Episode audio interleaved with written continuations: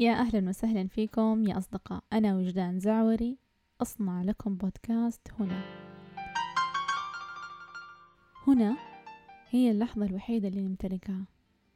خلونا هنا نكون سعداء. كثير مننا يقول زمان كان أحسن. زمان كانت الحياة أجمل وأكثر هدوء وسعادة وصحة. بس هل هذا حقيقي؟ اليوم نحن نعيش في زمن فيه وباء شل حركتنا.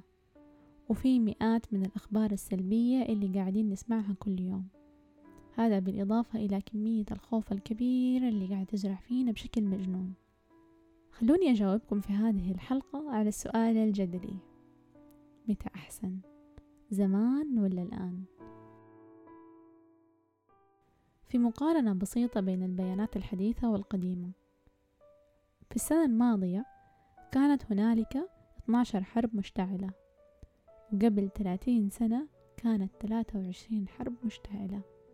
في العام الماضي كان عشرة في المية من سكان العالم يعيشون في فقر مدقع. بس قبل 30 سنة كان سبعة وثلاثين من سكان العالم يعيشون في فقر مدقع. تقول الإحصائيات أن متوسط عمر الإنسان في السابق كان 30 سنة بس اليوم في تقريبا أغلب أنحاء العالم يفوق السبعين سنة. وفي بعض المناطق المتطور فيها الطب زي اليابان ممكن يصل عمر الإنسان إلى 80 سنة وأكثر.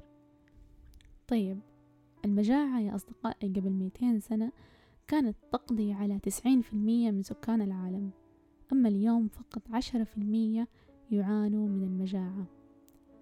عبر التاريخ البشري الدول والإمبراطوريات القوية دائما ما كانت في صراع مع بعضها البعض والسلام كان دخيلا بين الحروب. اليوم لا يدخلون أبدا في حرب مع بعضهم البعض وإذا دخلوا تكون الحرب باردة. ليست بالسلاح والقتل والمجازر الجماعية كما كان يحدث في السابق. في الحقيقة أصبحنا نشعر بالأمان أكثر سواء كنا في منازلنا أو في أوطاننا أو حتى مسافرين. كل شيء أصبح في خدمتنا. لا يخلو اليوم منزل من نظام مراقبة وإنذارات للحرائق أو على الأقل طفاية حريق صغيرة تضعونها في أحد أركان المنزل. نسبة الحوادث المرورية وحوادث تحطم الطائرات أصبحت أقل. آه، في الماضي يا أصدقائي كانت الناس تموت حتى بسبب الكوارث الطبيعية مثل البرق والغرق والفيضانات وحتى حرائق الغابات وغيرها. أكثر من 90% من سكان العالم اليوم تحت سن الخمسة وعشرين يستطيعون القراءة والكتابة. على سبيل المثال في السعودية في عام 2013 كانت نسبة الأمية 70% اليوم نسبة الأمية 5% ومتوقع بحلول 2030 أن تصبح نسبة الأمية زيرو صفر. بسبب الأجهزة المنزلية والمكانس الكهربائية والثلاجات وغسالات الصحون وقدور الضغط انخفضت نسبة الأعمال المنزلية من ستين ساعة أسبوعيا إلى أقل من خمسة عشر ساعة في الأسبوع. وأنا قاعدة أبحث في هذا الموضوع في تعريف شدني لما هو معنى التفاؤل الحقيقي. فيقول هذا الإنسان أن التفاؤل الحقيقي يا أصدقاء هو من يؤمن بوجود عوالم أفضل من العالم الذي نعيش فيه.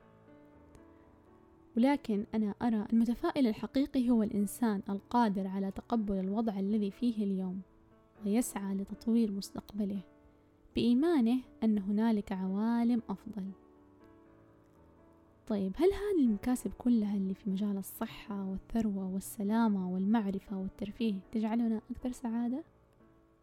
في الحقيقة الجواب هو نعم في ستة وثلاثين في المية من بلدان العالم السعادة زادت في العقود الأخيرة.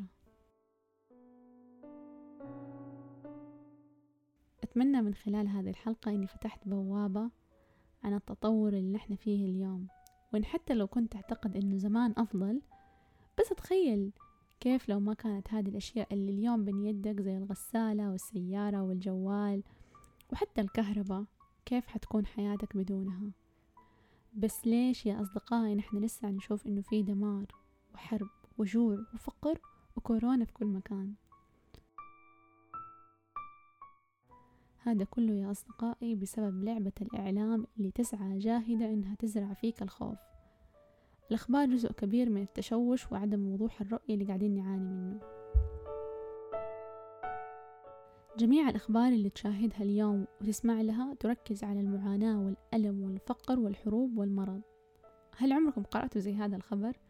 مليون إنسان يعيش في رخاء ولا تشافى مليون شخص من وباء كورونا ولا أغلب الأخبار اللي توصل لكم أعداد المصابين بكورونا وأعداد الوفيات. أيضا تستخدم الصحف ومنصات التواصل الاجتماعي الأخبار الدموية والجدلية في صفحتها الأولى حتى تحركك للقراءة أكثر لأنك وقتها حتتحرك بدافع الخوف والخوف هو أكبر محرك للإنسان. طيب ما أنكر أنه اليوم لدينا تحديات كثيرة بس متأكدة أن تحديات الناس في الماضي كانت أكثر. الطبيعة البشرية تنعم بالموارد اللي ممكن تفتح لنا مجالا من الخلاص. لدينا لغة طورناها وما زلنا نطورها حتى نفهم بعضنا البعض. أنا ما أقصد هنا أنه لغة أخرى نتعلمها لا لغتنا نحن نفسها اللي نحن قاعدين نتكلم بها مع الآخرين. طورنا لغتنا بحيث أنه الآخرين يفهمونا بشكل أكتر بشكل إيجابي أكتر. تعمقنا في قدراتنا على التعاطف الشفقة الشغف والمواساة. هذه الهبات يا أصدقائي اليوم صرنا نتعلمها ونحاول ممارستها بشكل كبير. نعيش اليوم يا أصدقائي في دوامة من التحسن. نعيش أطول نعاني أقل ونتعلم أكثر ونصبح أذكى. ونتمتع أكثر بالتفاصيل الصغيرة للحياة. قليل اليوم يقتلون بالإهانة والاستعباد والاستغلال أو الاضطهاد من طرف الآخرين. مناطق السلام تزدهر. مناطق السلام حول العالم قاعدة تزدهر وتنمو. وأنا مؤمنة أنه ممكن يجي يوم وتشمل هذه المناطق الكرة الأرضية. يا أصدقائي الحياة أفضل من الموت. الصحة أفضل من المرض. الوفرة أفضل من العوز والحرية أفضل من الإكراه. السعادة أفضل من المعاناة والمعرفة أفضل من الجهل والخرافات. أهتموا بنفسكم وخليكم إيجابيين. كونوا بخير في أمان الله. You and I can do anything.